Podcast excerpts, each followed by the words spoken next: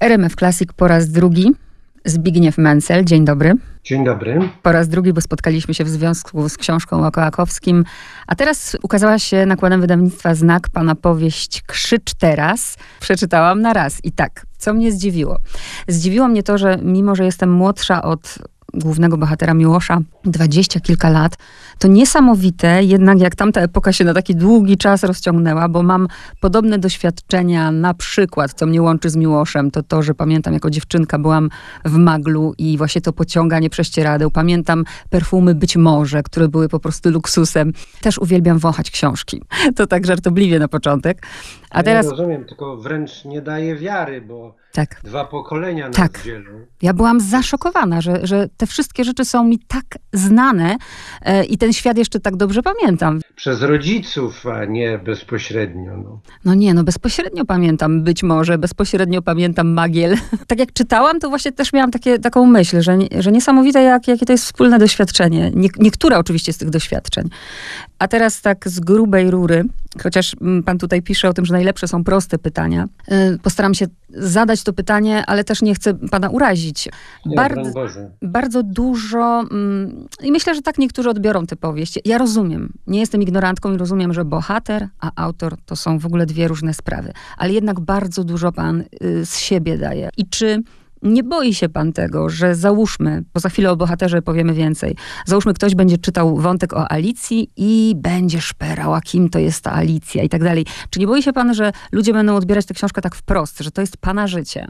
Pani, no jest y, oczywiście faktem to, że biografia autora rzuca światło na jego książki. Jest faktem, że na podstawie jakichś stwierdzanych przez nas podobieństw potrafimy łączyć niektóre wydarzenia z życia autora z jego twórczością, ale wydaje mi się, że to dotyczy, żeby coś połączyć, życie z twórczością, to trzeba to życie znać, trzeba być człowiekiem bardzo znanym, takim już, który jest klasykiem, jeśli niedawnym, to współczesnym.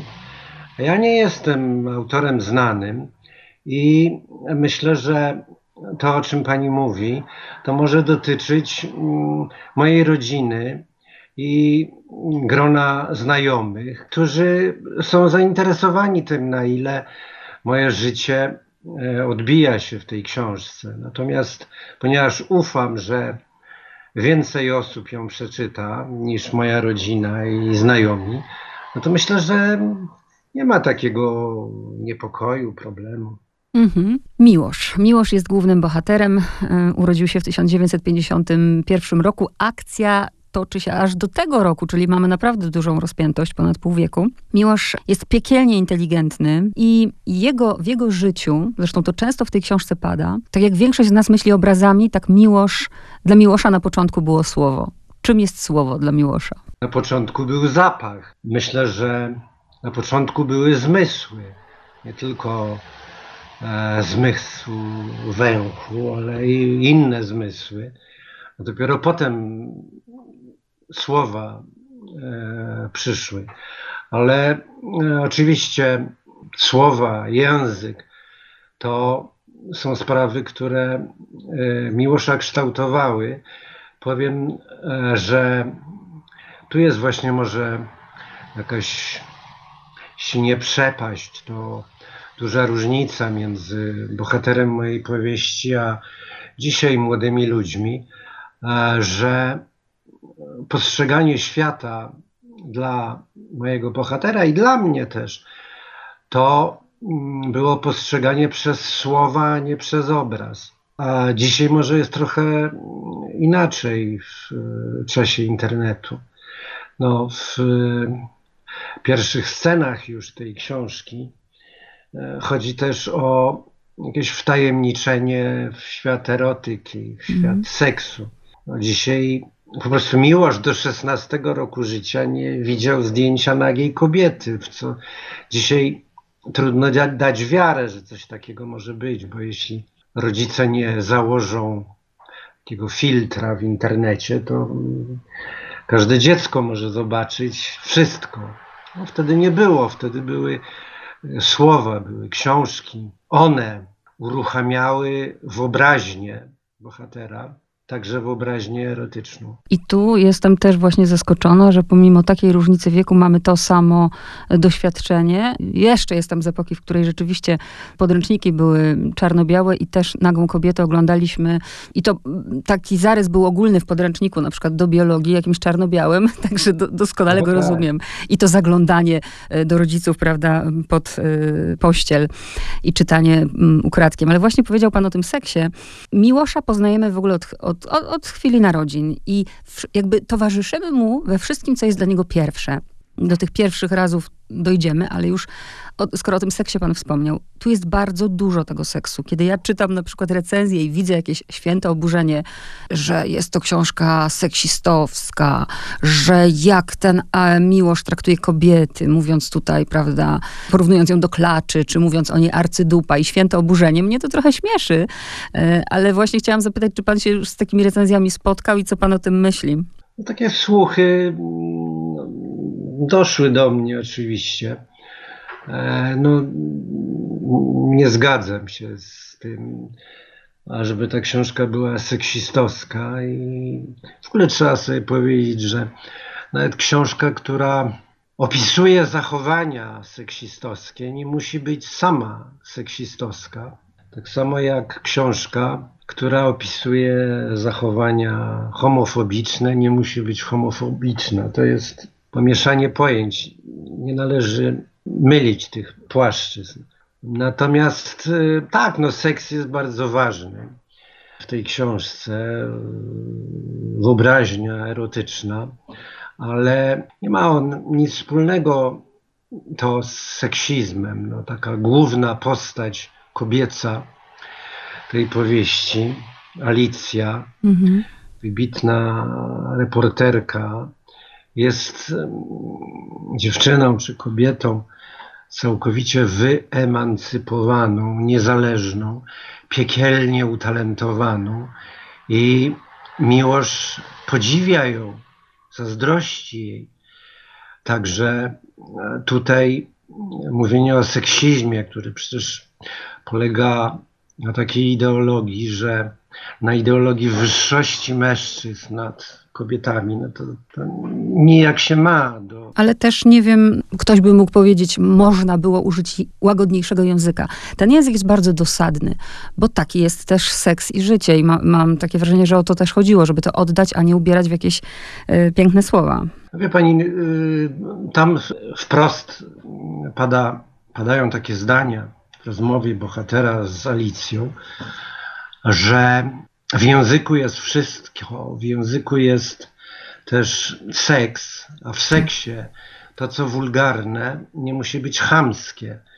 Ja jestem bardzo wyczulony na chamstwo. Jest to coś, co po prostu taką fizyczną odrazę we mnie budzi. Natomiast e, wulgaryzmy w seksie, jeśli są aprobowane przez obie strony, to, to nie jest hamstwo, to nie musi być hamstwo. I myślę, że to wyraźnie mówię. Poruszyła mnie scena, w której Miłosz jako dziewięciolatek doświadcza no mogę to tak nazwać, y, przemocy seksualnej, chociaż on nawet nie wie, że to jest przemoc seksualna, tak mi się wydaje, od szesnastolatka. Niesamowite jest to, że on o tym nikomu nie mówi. I tak naprawdę sam analizuje, dlaczego tego nie mówi. Czy za tym stoi chęć posiadania wędki, czy za tym stoi strach, żeby nie dostał rózgą, tak jak to bywało. Bardzo mocna scena. Żeby nie dostał rózgą, nie bohater. Nie bohater, oczywiście, tylko ten, harcerz. molestuje, tak. tak, tak, tak. Ponieważ e, ten chłopak 16-letni był e, wychowywany przez matkę e, w taki sposób, że ona po prostu biła go potwornie za każde przewinienie prawdziwe czy urojone. On miał krwawe pręgi na nogach i w rozmowie z matką bohatera ta kobieta mówi, że to jest jedyny środek bicie, żeby wyprowadzić na człowieka e, dziecko. I mówi, że nawet jak jej było żal tego dziecka, to mówiła sobie, że przecież ponieważ bije tylko po nogach, to krzywdy mu nie zrobi. O tym wiedział bohater wcześniej niż doszło do tej sceny molestowania. To ani zrobiło wielkie wrażenie, że ten, że ten chłopak jest katowany mhm. w domu. I no między innymi dlatego właśnie nie chciał o tym mówić, bojąc się, jak to się może skończyć dla tego chłopaka. Rodzinna tajemnica. Też nie chcę, żebyśmy oczywiście wszystko tutaj zdradzali. Słuchacze przeczytają książkę, ale w tym domu jest tajemnica. Mama Miłosza była wcześniej, no, miała swoją wielką miłość. Ten człowiek zginął i pytanie jest takie, jakie konsekwencje tego były dla Miłosza? Czy w tej, czy w tej rodzinie tak naprawdę była miłość? No Miłosz yy, nie czuł miłości rodziców. Czuł natomiast, im bardziej był starszy, tym bardziej to czuł, że w życiu jego matki, jego ojca, w życiu ludzi jakoś w istocie swojej przedwojennych, ludzi, których młodość i dojrzewanie przypadało na czas dwudziestolecia międzywojennego i oni wtedy jakoś chcieli układać swoje życie, mieli wyobrażenia o swoim życiu, o swojej przyszłości. I e, po wojnie w Nowej Polsce, w Polsce rządzonej przez komunistów, E, oni doznali e, straszliwej degradacji, poczynając od degradacji finansowej poprzez jakąś degradację moralną. E, I w ich życiu wszystko było nie tak, jak być powinno, jak być miało. I Miłosz czuł, że rodzice nie mogą sobie z tym poradzić i próbują obwiniać siebie nawzajem za to, że ich życie nie jest takie, jak być powinno. I no to było okropne dla niego mm -hmm. doświadczenie. No ale powiem tak, że to było doświadczenie dość powszechne w tamtym czasie. To znaczy, Miłosz tu nie był jakimś wyjątkiem, był raczej po stronie większości. Tyle tylko, że po latach stosunek tych dzieci już później dorosłych do rodziców, często nieżyjących, był taki, że wypominali straszliwe błędy wychowawcze, które rodzice popełniali których e, oni byli mm, ofiarami e, i mieli to szalenie za złe rodzicom. Mhm. Ja natomiast y, mam więcej współczucia dla rodziców i to jest, myślę, ważne. Dali zresztą też to, co dostali.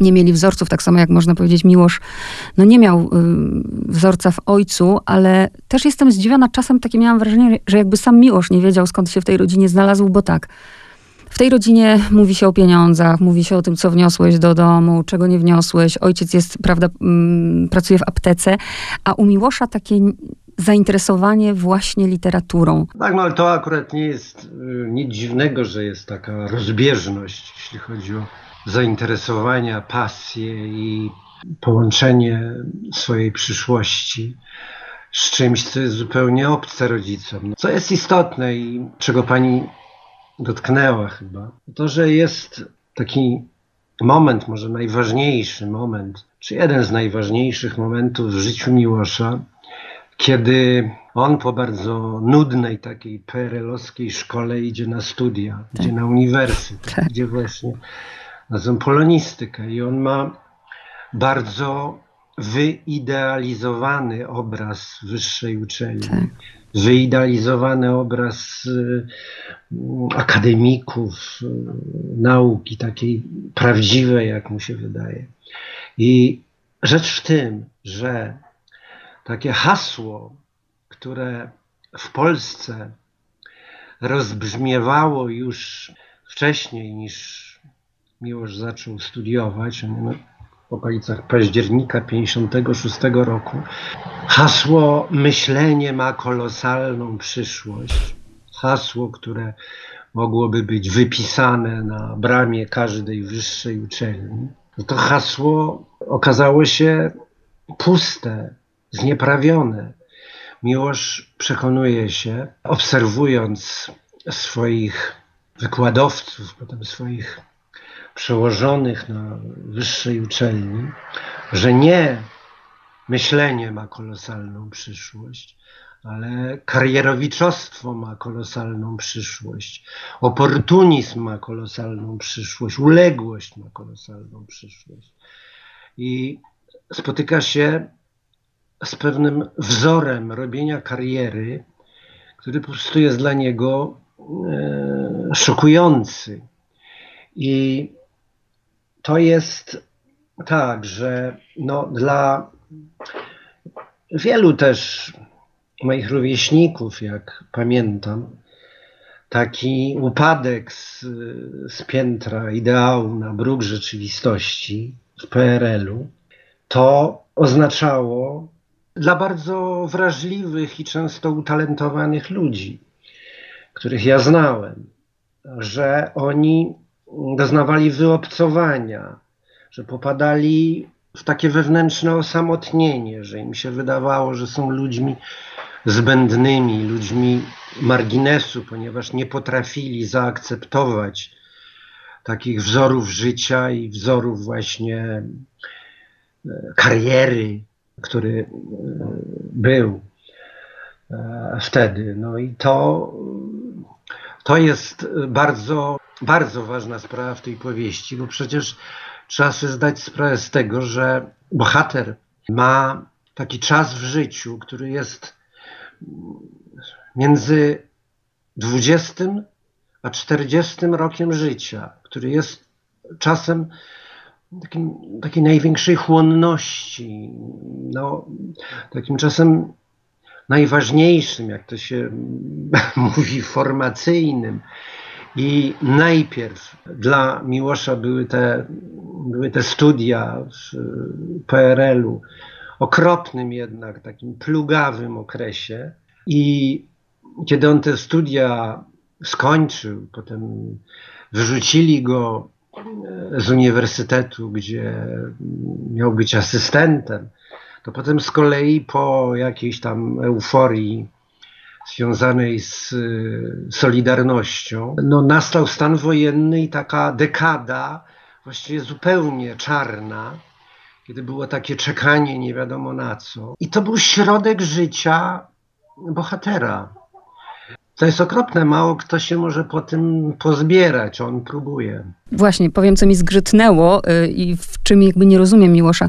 Zaimponowało mi oczywiście to, bo wróćmy jeszcze do okresu, na którym się nie dostaje na studia i to naprawdę trzeba mieć samozaparcie i chęć, żeby samodzielnie zrobić rok, pięcioletnie studia w rok, samodzielnie nad tym pracować, dzień w dzień, kilkanaście godzin, więc tu chylę czoła. Pokazuje to też, jak on jest uparty, jak chłonie wiedzę, jak mm, stracił tę pracę na uczelni, no też pokazał, że, że nie, na wszystko się nie zgodzi. Mm, był buntownikiem, a z drugiej strony czego bym się na przykład nie spodziewała po Miłoszu akurat, świetnie sobie potrafi poradzić, bo wydawało mi się, że mm, człowiek o takiej wrażliwości, no kompletnie nie będzie wiedział, czym jest giełda. A on dzięki giełdzie się ustawił i rzeczywiście parę ładnych lat żył ponad stan. No tak, ale, yy, ale to nie było to. Nie było to, czym on chciał się zajmować, e, co było jego pasją, właśnie literatura, sztuka. E, on tym w gruncie rzeczy żył i e, poznając świat finansów, świat rynków finansowych, giełdy, próbował jakoś patrzeć na to od strony filozofii, czy wręcz od strony sztuki, ale,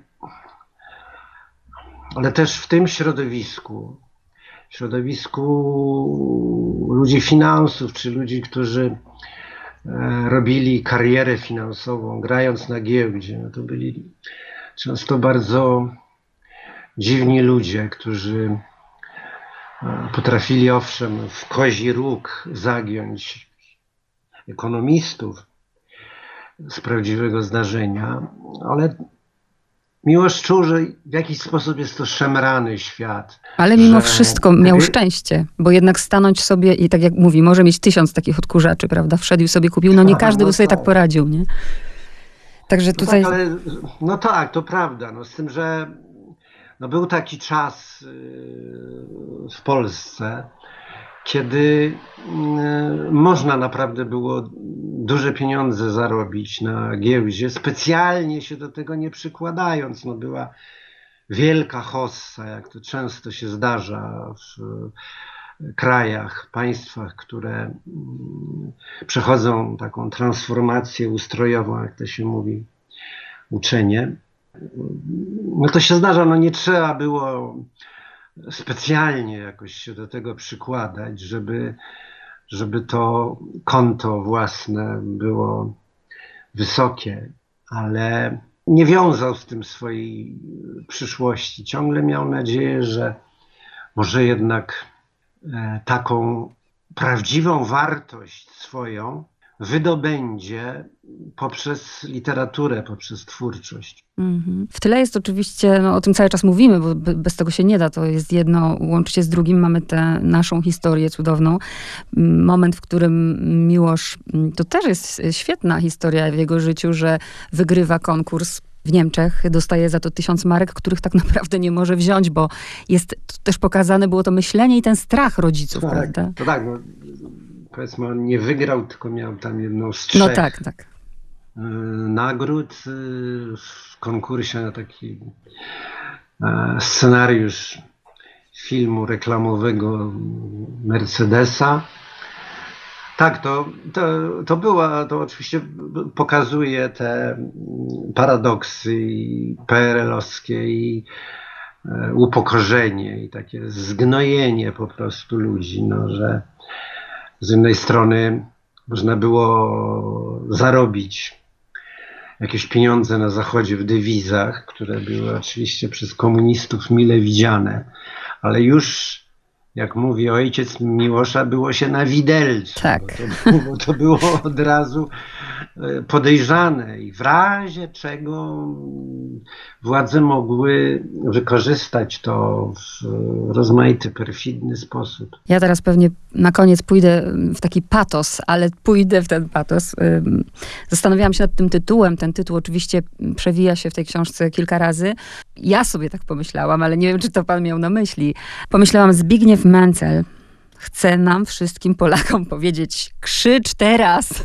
No tak, ten, ten e, krzyk, krzyk zapamiętany, krzyk usłyszany, krzyk, który rozlegał się e, w różnych e, sytuacjach, albo się nie rozlegał, a powinien się rozlegać, no to to był taki wyczucie tego krzyku, to był taki pierwszy impuls do napisania tej książki. To mi towarzyszyło. Zresztą, zresztą nie wiem, czy pani pamięta, to już nie łączy się bezpośrednio z moją książką. Czy pani pamięta taki film Kabaret? Oczywiście.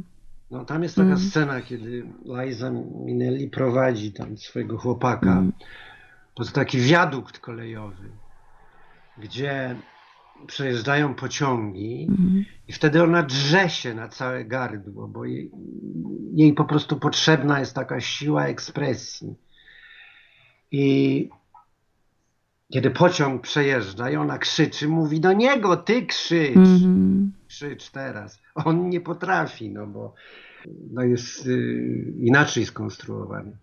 Ale rzeczywiście ten, ten krzyk jest ważny. No. Mhm. A pyta pani, czy, czy teraz jest taki czas, żeby krzyczeć? No, jeśli trzeba, to zawsze taki czas jest. No. I na koniec jeszcze myślę o tym, się zastanawiam nad tym Miłoszem. Oczywiście tutaj nie chcę zdradzać, są pewne rzeczy, pewne niespełnienia. Czy on jest szczęśliwy? No tak, to, to byśmy musieli się zastanowić tak na poważnie, filozoficznie, czym jest szczęście. No, a, No tak. to, a to nie wiem, czy to jest dobry pomysł na e, taką zapytam, rozmowę. to Ale za- rozumiem, no można Mhm. abstrahując od e, takiego namysłu filozoficznego nad istotą szczęścia, no to po prostu w potocznym rozumieniu i w zwykłym życiu można o tym mówić. No, y, ja myślę tak, że jaki ten miłość jest, taki jest, ale y, to, co jest po stronie szczęścia, po jasnej stronie, to jest to, że on będąc już właściwie starym człowiekiem, nie traci nadziei. Ciągle myśli o tym, że jest przyszłość i że, e, że w każdej chwili, w każdym wieku można poprawić bilans swojego życia. I jeśli to miałoby być szczęściem, to, to mnie by to mm, sprzyjało że szczęście to jest y, to poczucie, że mogę jeszcze zmienić swoje życie na lepsze, mogę poprawić bilans swojego życia. I gdybym e, nie miał takiego poczucia, to byłbym nieszczęśliwy. Mhm. A ostatnie pytanie jest takie: co pan lubi, podziwia, szanuje w Miłoszu, a czego nie akceptuje?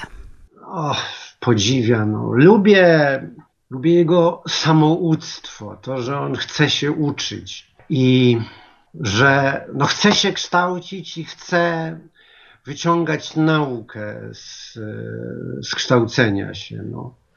Natomiast czego nie lubię, no, nie lubię tego, co, co było jego przeszłością, to znaczy tego, że za długo żył na niby, za długo żył w, takim, w takiej nierzeczywistości, czy półrzeczywistości, tak jakby, jakby chciał przeczekać to swoje życie. No. To okropne jest, tego nie, tego nie lubię w nim. Zbigniew Mencel był moim gościem. Bardzo dziękuję. Ja dziękuję.